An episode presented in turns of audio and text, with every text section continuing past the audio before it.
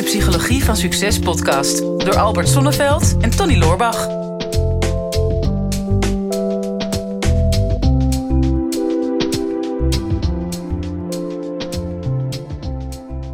Tony, heb jij enig idee wat glossofobie, wat dat precies is? Glossofobie? Glossofobie, ja. ja. Er zijn heel veel mensen die daar last van hebben. Eh, wereldwijd, ongeveer tussen de 40 en 60 procent van de mans, mensen heeft last van glossofobie. Bang, bang voor flyers, glossies? nee, Niet? nee, ook niet. Nee. Nee, dat weet ik niet. Nee, ja, er zijn meer dan 100 verschillende soorten fobieën. Maar dit is ongeveer wel de meest voorkomende. En dat is namelijk spreken in het openbaar. Oh ja, ja. Oh, ik wist niet dat dat een woord had. Ja, zeker. Ja, alle, je hebt allerlei soorten fobieën natuurlijk. En dit is, dit is er ook zo eentje. Oh ja. Maar dat, dat, de angst voor spreken in het openbaar, dat Ja. is... ehm, volgens mij is dat de, een van de grootste angsten wereldwijd. Ja. In, in sommige onderzoeken staat het zelfs nog boven de angst voor de dood. Dat mensen Ja. banger zijn om in het openbaar te spreken... dan dat ze bang zijn om dood te gaan. Ja, en een of andere Amerikaanse cabaretier had er gelijk al een grap over gemaakt. Die zei, Mensen die bang zijn om te spreken in het openbaar tijdens een afscheidsreden op een begrafenis, die kunnen allemaal beter in de kist gaan liggen. Oh, ik dacht dat je iets over Tommy Cooper een grapje wilde maken. Nee, nee, Van die het beste van twee werelden geco- Ja, ja, ja, die was echt, eh, die was op het, eh, echt in het harnas gestorven. Hè? Ja, ja, ja, Ja. ja. Maar goed, hier gaan we het over hebben. Ja, hier, wij gaan het hebben over eh, spreken in het openbaar en liever gezegd de angst daarvoor. Volgens mij was er ook een vraag over. Ja, ja, ja, heb ik. Het valt natuurlijk door de mand dat ik helemaal niet wist waar je het over had. ja, maar goed. Dat was best eh, wel goed geacteerd, toch? ja, je, kunt goed, je kunt het goed maken nu. Ehm, vraag van Babette. Babette zegt, spreken in het openbaar. Hoe zorg ik dat ik mijn zenuwen en lichaam de baas blijf tijdens een presentatie?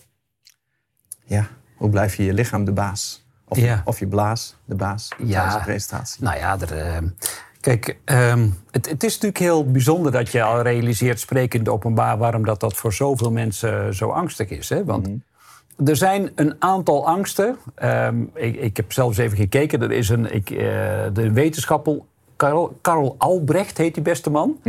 En die heeft gezegd er zijn vijf soorten angsten, zeg maar de meest voorkomende angsten die bij iedere mens voorkomen. Nou ja, het eerste is natuurlijk angst voor de dood. Dat is logisch, want dat is toch wel de ultieme manier om controle te verliezen. Daar heb je echt geen, geen vat op. Ja. En, ehm, dus, dus dat is één angst. Er is ook een andere angst en dat is de angst om je gezondheid te verliezen. Want ja, dan kun je niet meer functioneren. En Dus eh, ja, dat is ook logisch. Daarom doen we ook best onze best eh, om, om ervoor te zorgen dat we in ieder geval gezond blijven. Tenminste, de meeste mensen. En over de definitie van gezondheid kunnen we het natuurlijk ook niet. Ja, dat gaan we nu niet doen. gaan we nu niet doen. Derde angst Ehm, is angst om je haar te verliezen. Eh, nee, nee, nee, nee, nee. Angst voor autonomie. Oké. Dus eh, bestaansrecht. Dat je het gevoel hebt van oké, nou, ik, eh, ik mag er zijn. En eh, ik, eh, dat is een ander mag er zijn. Maar ik mag er zijn. Ja. Eh, dus dat is denk ik ook een, een, een hele begrijpelijke. Ehm, de angst om je ego te verliezen. Oh, Die is er ook. Dat het doel was in het leven om het ego te... Maar oké, ga verder. Ja, maar daar, daar zijn we ook altijd mee bezig. Ja. En natuurlijk de angst om er niet bij te horen. Nou, dat zijn de vijf angsten die we allemaal in meer of mindere mate wel hebben. Ehm, en nou ja, spreken in het openbaar, of liever gezegd de angst daarvoor, valt natuurlijk onder de categorie: ik hoor er niet bij. Ik val door de mand. Ja. Maar er zit ook wel een beetje het risico dat je je ego verliest. Tenminste, als ik kijk naar mezelf, ik heb best vaak en ook lang eh, angst gehad op het podium. Ehm, nu met de podcast gaat het wel. Gaat eigenlijk wel weer, dokter. Totdat die camera's erbij kwamen. Ja, ik- ja, dat was ook weer een stap voor ja, ons. dat hè? geeft Ja. ook weer een stap. Ja. Maar ehm, ja, ik, ik, ik, het heeft best wel lang geduurd voordat ik eh, over die angst op dat podium heen was. Ehm, en dat had met name vooral toch wel te maken bij mij met egoverlies. Ik had eh, een- een soort expertstatus opgebouwd hè, als het gaat over stress en burn-out. En ja, zo werd ik ook een beetje gezien. Maar het laatste wat ik wilde natuurlijk is gestrest overkomen op het podium. Ja. Ja, en dan voel je het al. Hè? Dus als je, ik wil alles, maar niet gestrest zijn. Ja, daardoor was ik juist super gestrest. Mhm. Ik zal nooit vergeten, ik, ik was eh, bij eh, Umberto Tan in de uitzending, de RTL eh, Late Night Show. Oh ja. En ehm, nou, ik vond dat best een hele eer om daarvoor gevraagd te worden. Maar ik was daar ook de stress-expert. En je voelt hem al aankomen. dus, Niet geslapen van de stress. Uh, nou ja, het lastige is, uh, zo'n redactie bepaalt op de dag zelf pas wat de actualiteiten waren. En dit ging over stress in de file en hoe je zou kunnen ontspannen. Hm. En uh, ik had regelmatig uitzending bij BNR Nieuwsradio. Dus nou, ik werd als, als de file-expert werd ik binnengehaald. En, maar ja, dat werd s morgens pas bepaald. Om een uur of elf werd ik gebeld. Wil je vanavond in de uitzending zitten? En vanaf dat moment, toen brak de pleuris al uit bij mij. Mhm. ik, was, ik werd allemaal zweetplekken onder mijn arm. En jezus, ik denk, hoe ga ik dat doen? Want toen, op dat moment, waren er nog ongeveer een miljoen uh, live kijkers ook. Ja. Oh ja. Uh, dus het risico dat ik door de mand zou vallen was best wel groot in mijn hoofd dan. Ja. want ik denk dat ik best wel veel kennis heb op dat gebied. Maar ik zag het krantenkoppen al de volgende dag. Albert Sonneveld, de expert op het gebied van stress, stort hyperventilerend neer tijdens de uitzending. Oh, ja. Ja, ja. En dat gaf zoveel spanning dat. Nou, je kunt de uitzending terugkijken en iedereen zegt: Albert, waar heb je het over? Want je kwam super relaxed over aan de buitenkant. Maar alles wat ik mijn cliënten leer aan ontspanningsoefeningen, ademhalingsoefeningen, alles wat erbij hoort, dat moest ik volledig op mezelf toepassen. Oh, ja, ja, ja.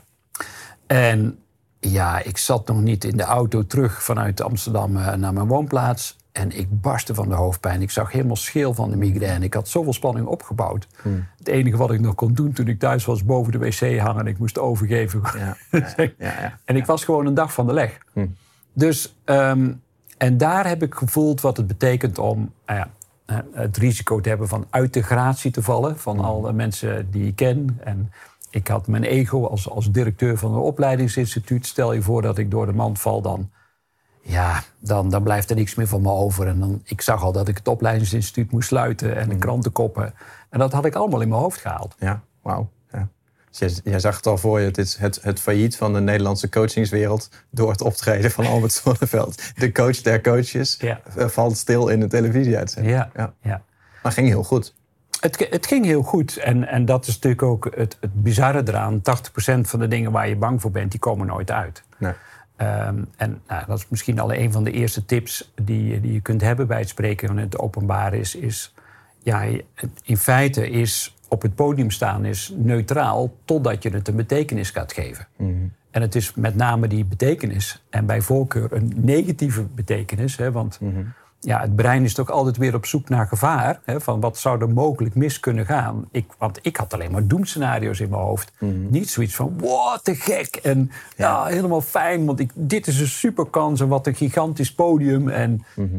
en, en een van de dingen die ik daar ook wel over gelezen heb... is, is dat, en in het Engels zeggen ze dat zo mooi... De, er is een hele dunne lijn tussen anxiety en excitement. En het, het bizarre is, als je daarna gaat kijken naar de, de fysiologische reacties. Hè, want Babette zei van ja, hoe krijg ik mijn lichaam onder controle? Um, je lichaam geeft signalen af. En excitement, uh, nou ja, uh, misschien kun je een situatie in je leven voor de geest halen waarin je excitement ervaart. Mm -hmm.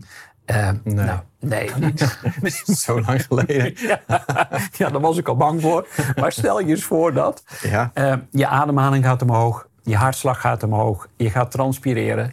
Nou, misschien in jouw hoofd begint er toch wel een situatie nu in je, in je op te komen. En denkt, oh ja. Ja, maar het is niet, niet geschikt voor deze podcast. nee. En dan, hè, maar je krijgt een heleboel fysiologische reacties die je ook hebt op het moment dat er anxiety is. Mm hè? En um, het lastige is, we gaan die, die, die, lichamelijke signalen gaan we negatief interpreteren. Mm. Terwijl als je zou zeggen, wow, ik ben blijkbaar mezelf aan het opladen om een prestatie te kunnen leveren, want dat moet je. Mhm. Eh, bij die tv-uitzending of als ik op een podium sta, nou, je hebt het natuurlijk ook diverse keren meegemaakt. Ja. ja, dan wil je die persoon op de achterste rij in de zaal wil je ook bereiken. Juist die, hè, want die mhm. gaat niet voor niks achterin zitten. Ja. Maar die wil je met je boodschap bereiken. En dan zul je je zendvermogen moeten opwekken als een soort dynamo, zodat je zoveel energie hebt om uiteindelijk ook bij die persoon terecht te komen. Ja. Maar ja, dat opwekken van die energie, het, het vrijmaken van die energie, dat voel je in je lichaam. Onder andere met transpiratie en met hartslag eh, die omhoog gaat en je ademhaling die verandert. En nou, een heleboel fysiologische reacties die we stress noemen. Um, en tegelijkertijd het enige wat je lichaam doet, is het voorbereiden op een prestatie. Ja, nou, ik weet wel dat jij hebt het natuurlijk wel aan mij geleerd, dat soort, dat soort dingen. Um, zeker in de beginjaren, hè, dat jij nog wel eens bij mij in de zaal zat om uh, deels uh, je mentale steun te komen brengen, maar ook gewoon wel te kijken van hè, hoe, hoe, hoe zou je dit kunnen verbeteren. Ja. Um, en voor mij gaf dat al heel veel steun om gewoon te weten van ja, ik, ik, ik sta al, uh, al, al meer dan twaalf jaar voor groepen. Uh, niet op, op, altijd op hetzelfde niveau. Hè. Moet, als, voor mezelf twaalf jaar geleden een hele goede spreker. Als ik dat nu naar terugkijk, dan denk ik van nou, ja. goede spreker. Hè. Misschien uh, mimiek kan je een keer toevoegen. Probeer het een keer. Hè. Of iets van intonatie. Of uh, misschien op een volume dat mensen het zouden kunnen horen. Helpt of, ook wel. Of, of ga op het podium staan in plaats van achter het whiteboard bijvoorbeeld. Hè. Dat mensen je ook kunnen zien. Dus er waren wel verbeterpunten. Um, maar mij gaf dat al heel veel rust om gewoon te weten van ja, ik ben gewoon, ik ben altijd zenuwachtig voor een presentatie. Maar, maar wel gewoon op een, op een goede manier. Maar ook gewoon, ik word pas zenuwachtig als ik niet zenuwachtig ben voor een presentatie. Mm. Want je hebt inderdaad die edge nodig. Je wil op scherp staan. En zolang ik op het podium sta, dan ben ik ook super energiek. Maar ik heb bijna altijd, als ik het podium afloop, dat, dat echt gewoon drie seconden daarna, dat is echt alsof er een hooibal op mijn hoofd valt, ja. dan, ben ik, dan ben ik weg. Hè? Dus dan is, die, dan is die ontlading. Ik, ik, ik hoop wel dat dat nuanceert en het is niet, niet altijd zo heftig. Maar die, die spanning die heb je natuurlijk wel nodig. Ik denk dat dat wel een goede is. Het is alleen, um, ik merk bij, bij mezelf, en ik heb dat ook bij heel veel andere sprekers gemerkt, dat waar het vaak misgaat is dat je van tevoren natuurlijk eh, dingen gaat instuderen. Dat je gaat proberen te bedenken van wat moet er wel gebeuren en wat moet er niet gebeuren. Dus ik, uh, ik moet niet over de tijd heen gaan. Nou, kan jou verzekeren wat er gaat gebeuren. Je gaat over de tijd heen. Ik moet, uh, ik moet dit niet vergeten. Nou, dat ga je vergeten. Uh, ik moet niet in de stress raken, zoals jij, uh, zoals jij nou net zegt. Da daar zit vaak het probleem. Hè? Of ik studeer een tekst in en, en ik wil die tekst gaan vertellen. En dan als je er eenmaal staat, dan weet je niet meer de precieze zinnen. En dan, dan ontstaat de stress en dan loop je vast. Hè? Dan, dan blokkeert het gewoon in je hoofd. Ja. En wat het vreemde is, is dat als je niet voor een groep zou staan om dat verhaal te vertellen. Maar je stond gewoon met, met diezelfde mensen uit de zaal, sta je daarna in de bar. En je gaat het onvoorbereid vertellen, dan loop je niet vast. Nee. Want dan verzin je de zinnen ter plekke. Want je weet welk punt je wil maken. En je kan reageren op mensen om je heen. En als iemand anders even iets zegt, of er valt een stilte, of, of het patroon doorbreekt, dan heb jij even bedenktijd en denk je: oh ja, dit wilde ik ook nog vertellen. Maar als jij staat te zenden, dan, dan meestal zeg je, je, je begint en achteraf kan je zien hoe het gegaan is. En je kan vooraf bedenken hoe het zou moeten gaan. Maar daartussen zit niks. Nee, je kan niet bijsturen. En daar, daar zit vaak wel dat, hè, dat je gedachten, je, je lichaam onder controle krijgen dat moet daar eigenlijk gebeuren. Hè? Dus dat je technieken gaat leren om op het podium eigenlijk uit die, de, uh, uit die bevroren stand te komen. Ja, want dat is het vaak. Hè? Want je valt toch weer terug op jouw uh, overlevingsmechanismes. Of je gaat vechten, je gaat extra snel praten bijvoorbeeld. Hè? Of je gaat vluchten. Of mm -hmm. je gaat inderdaad uh, bevriezen zoals je een konijn hebt die in de koplampen kijkt. Zo. Ja, precies. nou ja, ik heb dat heel vaak bijvoorbeeld met tijd. Hè? Dus dan, dan ben ik lekker bezig. En dan zie ik ineens een klok. En dan krijg ik de rekensom in mijn hoofd, krijg ik hem niet rond. Van hoe lang heb ik nou nog? Of, oeh, ik ben veel langer bezig geweest met dit stuk dan dat de bedoeling was. En dan gaat er bij mij heel vaak een knop om, racen naar de finish. En dan maakt het me niet meer uit of mensen het kunnen verstaan, of ze het meekrijgen, of er eventueel vragen waren geweest. Dan is het gewoon rennen, hopen dat ik de finish haal. En dan kijk ik daarna wel hoe het gegaan is. Ja. Nou ja, misschien is voor, helpt het voor Bobette al, als we kunnen zeggen, is dat er, dat er een aantal triggers zijn of oorzaken zijn voor. Um, voor die plankenkoorts. Het eerste, dat zijn het soort mensen wat je al vertelde. Hè. Misschien zet je bepaalde mensen in de zaal boven je en voel je niet helemaal gelijkwaardig. Uh, of zitten er juist veel bekenden in de zaal? Ik heb als de familie of vrienden in de zaal zitten, vind ik het spannender dan dat ik alleen ja. maar vreemden heb. Bij andere mensen hebben dat juist andersom. Die, die hebben die familieleden dan als een soort houvast. Mm -hmm. ja, dus, dus soms is die, is die, die podiumangst is heel erg mensgerelateerd. Mm -hmm. En soms is het ook afhankelijk van de situatie.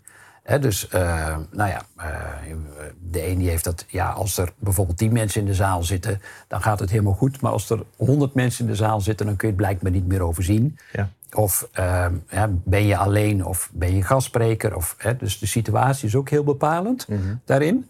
Um, nou ja, en dan heb je ook nog het onderwerp. Hè. Ben je vertrouwd met het onderwerp? Of is het een nieuw onderwerp wat je misschien nog nooit eerder gedeeld hebt met mensen? Dat moet je dan voor het eerst gaan doen. Dus je hebt het ook nog niet kunnen toetsen. Dus als je een inventarisatie maakt van wat bij jou de triggers zijn, ehm, die, die dan zorgen voor die plankenkoorts, dan kun je die van tevoren ook veel beter elimineren. Ja, klopt. Ja. dus, dus door andere mensen erin te zetten of jezelf, als je zegt, ja, ik voel me niet gelijkwaardig, want ik had dat bijvoorbeeld, ik ging helemaal goed als ik eh, bijvoorbeeld een presentatie moest geven voor studenten. Maar als er hoogleraren of artsen in de zaal zaten, oh man, dan voelde ik me in één keer heel erg klein worden. En, en, Krijg je nou, imposter syndroom. ja, ja, absoluut. ja. En toen dacht ik, oké, maar hey, volgens mij, en, en zo heb ik mezelf getraind ook.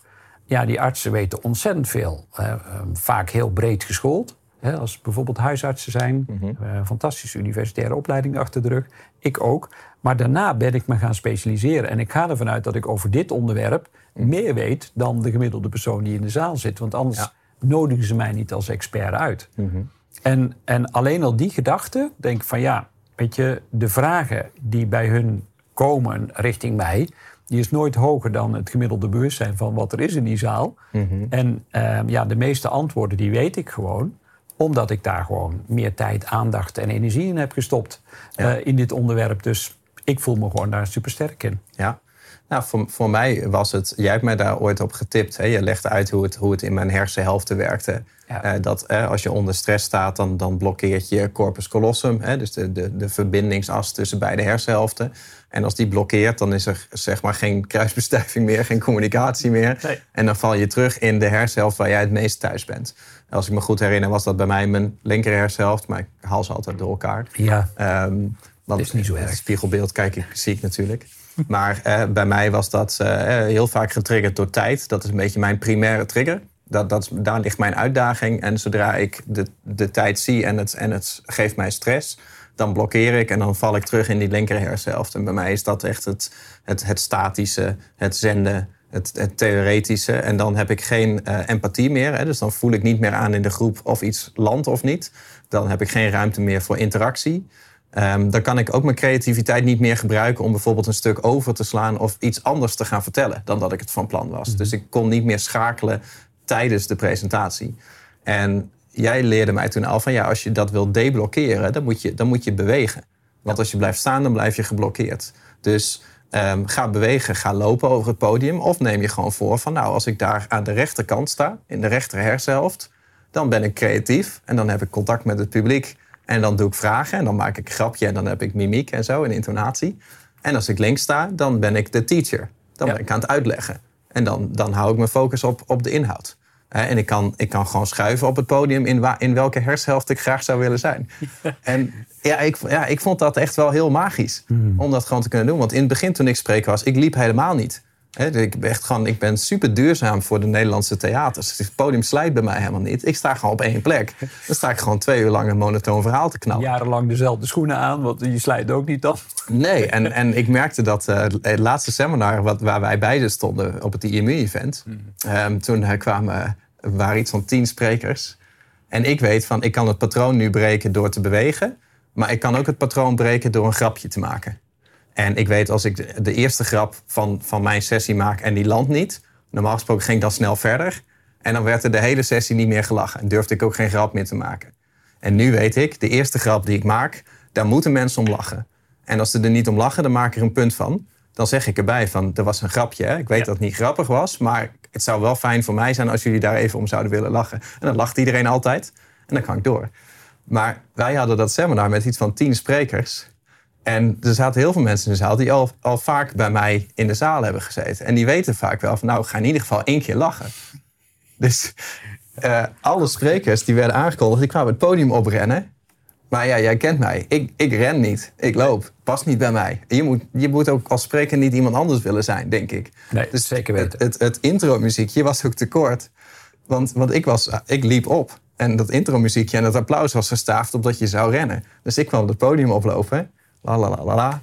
En ineens halverwege het oplopen stopte het applaus in de muziek al. En ik zei van, ja, je moet even wat langer applaudisseren, want ik ben er nog niet.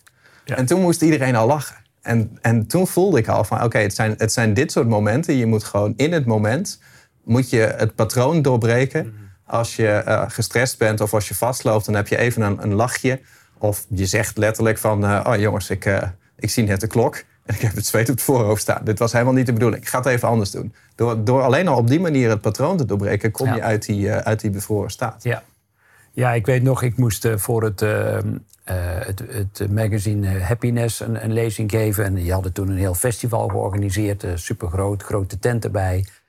En volgens mij ging het ook over stress. En dat was eigenlijk de eerste keer, dat was mijn coming out. Eh, tot, die tijd, tot die tijd probeerde ik het angstvallig stil te houden. Maar toen zei ik op het podium... het onderwerp eh, gaat over stress en ontspanning. Maar ik weet zeker dat er niemand in deze hele zaal zo gestrest is dat dat ik ben. En, en door dat te erkennen... en iedereen moest erover lachen... en, en, en of ze het nou geloofden of niet geloofden... voor mij was het gewoon het, het, het stoppen met het maar in stand houden van een bepaald beeld... Wat mij toen enorm geholpen heeft. Want ik, ik had niks meer te verliezen. Ik, ik, had, ik had mijn punt al gemaakt op dat gebied. En daarna werd het alleen maar rustiger. En nou, nu kunnen wij best wel gevat zijn en heel erg in het moment reageren. En eh, ja, misschien zegt Babette, ja, maar ik ben helemaal niet zo grappig. Nou, dat maakt, Wij, ook, wij ook niet. Nee, dat- Maar we stralen uit alsof het heel grappig is. En dan dat- gaan mensen lachen. En uiteindelijk maakt het publiek dat wel uit of Ja, je grappig, grappig bent of niet. Maar ik- kies iets waar jij een, een, een talent, hè, want je hebt allemaal een talent. Hè, misschien wel het talent om even stil te laten vallen. Of eh, het talent om juist een hele diepe connectie te maken met iemand die in de zaal zit. door iets heel persoonlijks tegen, die, tegen dat persoon te vertellen. Of iets persoonlijks mee te nemen van jou, dat je daar iets over vertelt. Zeg van ja, dit, is, dit heb ik altijd bij me tijdens mijn lezing. Want het herinnert me aan mijn overleden oma, weet ik veel wat. Hè, wat maar bij jou past. En gebruik dat als een soort ankerpunt. Ja. En er zijn spreken in het openbaar trainingen. En er worden, nou ja, weet je, als je op internet gaat kijken, dan, dan vind je wel 30 tips eh, die je allemaal zou kunnen toepassen. Ehm, maar hou het klein. Begin met oefenen. Eh, Begin met de spiegel. Eh, da- zo ben ik ook begonnen. Ja. Uiteindelijk door te kijken naar je eigen mimiek. Ook te wennen aan je stem. Eh, toevallig, hè, want we zitten nu in een, nieuwe studio. Ja. We hebben ook andere microfoons, zendermicrofoons. Nou, we hebben net ook even geluisterd van ja, hey, onze stem gaat misschien anders klinken omdat we andere microfoons hebben dan in de vorige studio. Ja. Misschien moet je ook weer even wennen aan, ehm, aan die microfoon. ons, ja. en ook aan ons. Want bij die andere microfoons krijg je een hele mooie, diepe, donkere stem. Ja. En dan geloof je ons, neem je ons allemaal heel serieus. Nu hoor je onze echte stem. En denk je, ja, die twee gasten luisteren niet naar. Dat kan ook. Nou ja, ik, ik, ik merk zo'n subtiele verandering van hè, zo- zo'n grote microfoon waar ik als het ware in kon kruipen, of nu een zendermicrofoon. Ja. Dat geeft al een bepaalde vorm van, nou, onzekerheid wil ik niet zeggen, maar ik moet me daar weer even op afstemmen, Ja. eh, me daar anders toe verhouden. En nu dat ik het heb uitgesproken, valt het ook alweer weg. Ja, nou, de podcast is ook voorbij. Maar ik ben blij dat het nu opgelost is dan. Ja. Nou, we hebben ook weer, eh, we hebben samen eh, eh, lekker gezellig gesproken in het openbaar. Ja, ja, in het, ja, ja, een soort van openbaar. Dat is, gewoon, we zitten hier midden in het wild. Ja, het is Jij een- in de plant en ik hier in de kantoortuin. in de, in de, in de boekenkast. Ja. Misschien kun je nog iets zinnigs zeggen om af te ronden, Tony. Nou, weet je, kijk, met, met spreken, het is precies wat jij zegt. Weet je, het, het is voor iedereen is het anders. Eh, niet iedereen heeft dus dezelfde uitdagingen. Ehm, ik, ik had bijvoorbeeld altijd moeite met tempo. Nou, eh, de klok eh, stil te laten vallen, dat soort dingen. Maar er zijn ook mensen bijvoorbeeld die te lang blijven hangen in de interactie. Of dat je te veel in je hoofd zit. Dat je precies het verhaal wil vertellen wat jij hebt voorbereid bijvoorbeeld. Nou, iedereen heeft wel wat. Ehm, ik zou inderdaad aanraden om gewoon lekker te gaan oefenen. Dat, dat is toch uiteindelijk wel het belangrijkste. Om er ook van te gaan genieten. Hè, was de legendarische woorden van Johan Cruijff. Hè? Ga het veld op en geniet. Dat, dat is eigenlijk het enige wat je hoeft te doen. En ik las vanochtend, kreeg ik een appje met een mooie uitspraak. En er stond in... ehm, eh, vandaag eh, is de morgen waar je gisteren bang voor was. Dat vond ik mooi. Ja. En, en dat heb je ook vaak op het podium. Hè? Dat is de dag van tevoren of de ochtend van tevoren. Kijk je enorm tegenop. En dan verzamelt er zoveel stress. Maar alleen al weten dat als je er eenmaal staat, dat het vaak wel meevalt. Dat zorgt ervoor dat de stress eraf gaat en dat de gezonde spanning overblijft. Dus dat je wel wil presteren, maar dat je niet meer eh, bang bent om te falen. Omdat je weet, van achteraf, achteraf viel het altijd wel mee. Dus, dus ik denk dat dat wel een, eh, dat dat wel een mooie is. Dus ja, om hem af te ronden.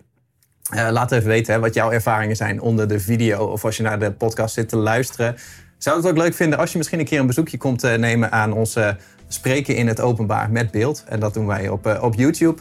Uh, dus dat je daar op YouTube ook even een reactie achterlaat of je even abonneert op ons kanaal. Want uh, ja, als wij zowel audio als video bij je binnenkomen, dan komt natuurlijk nog veel dieper bij je binnen.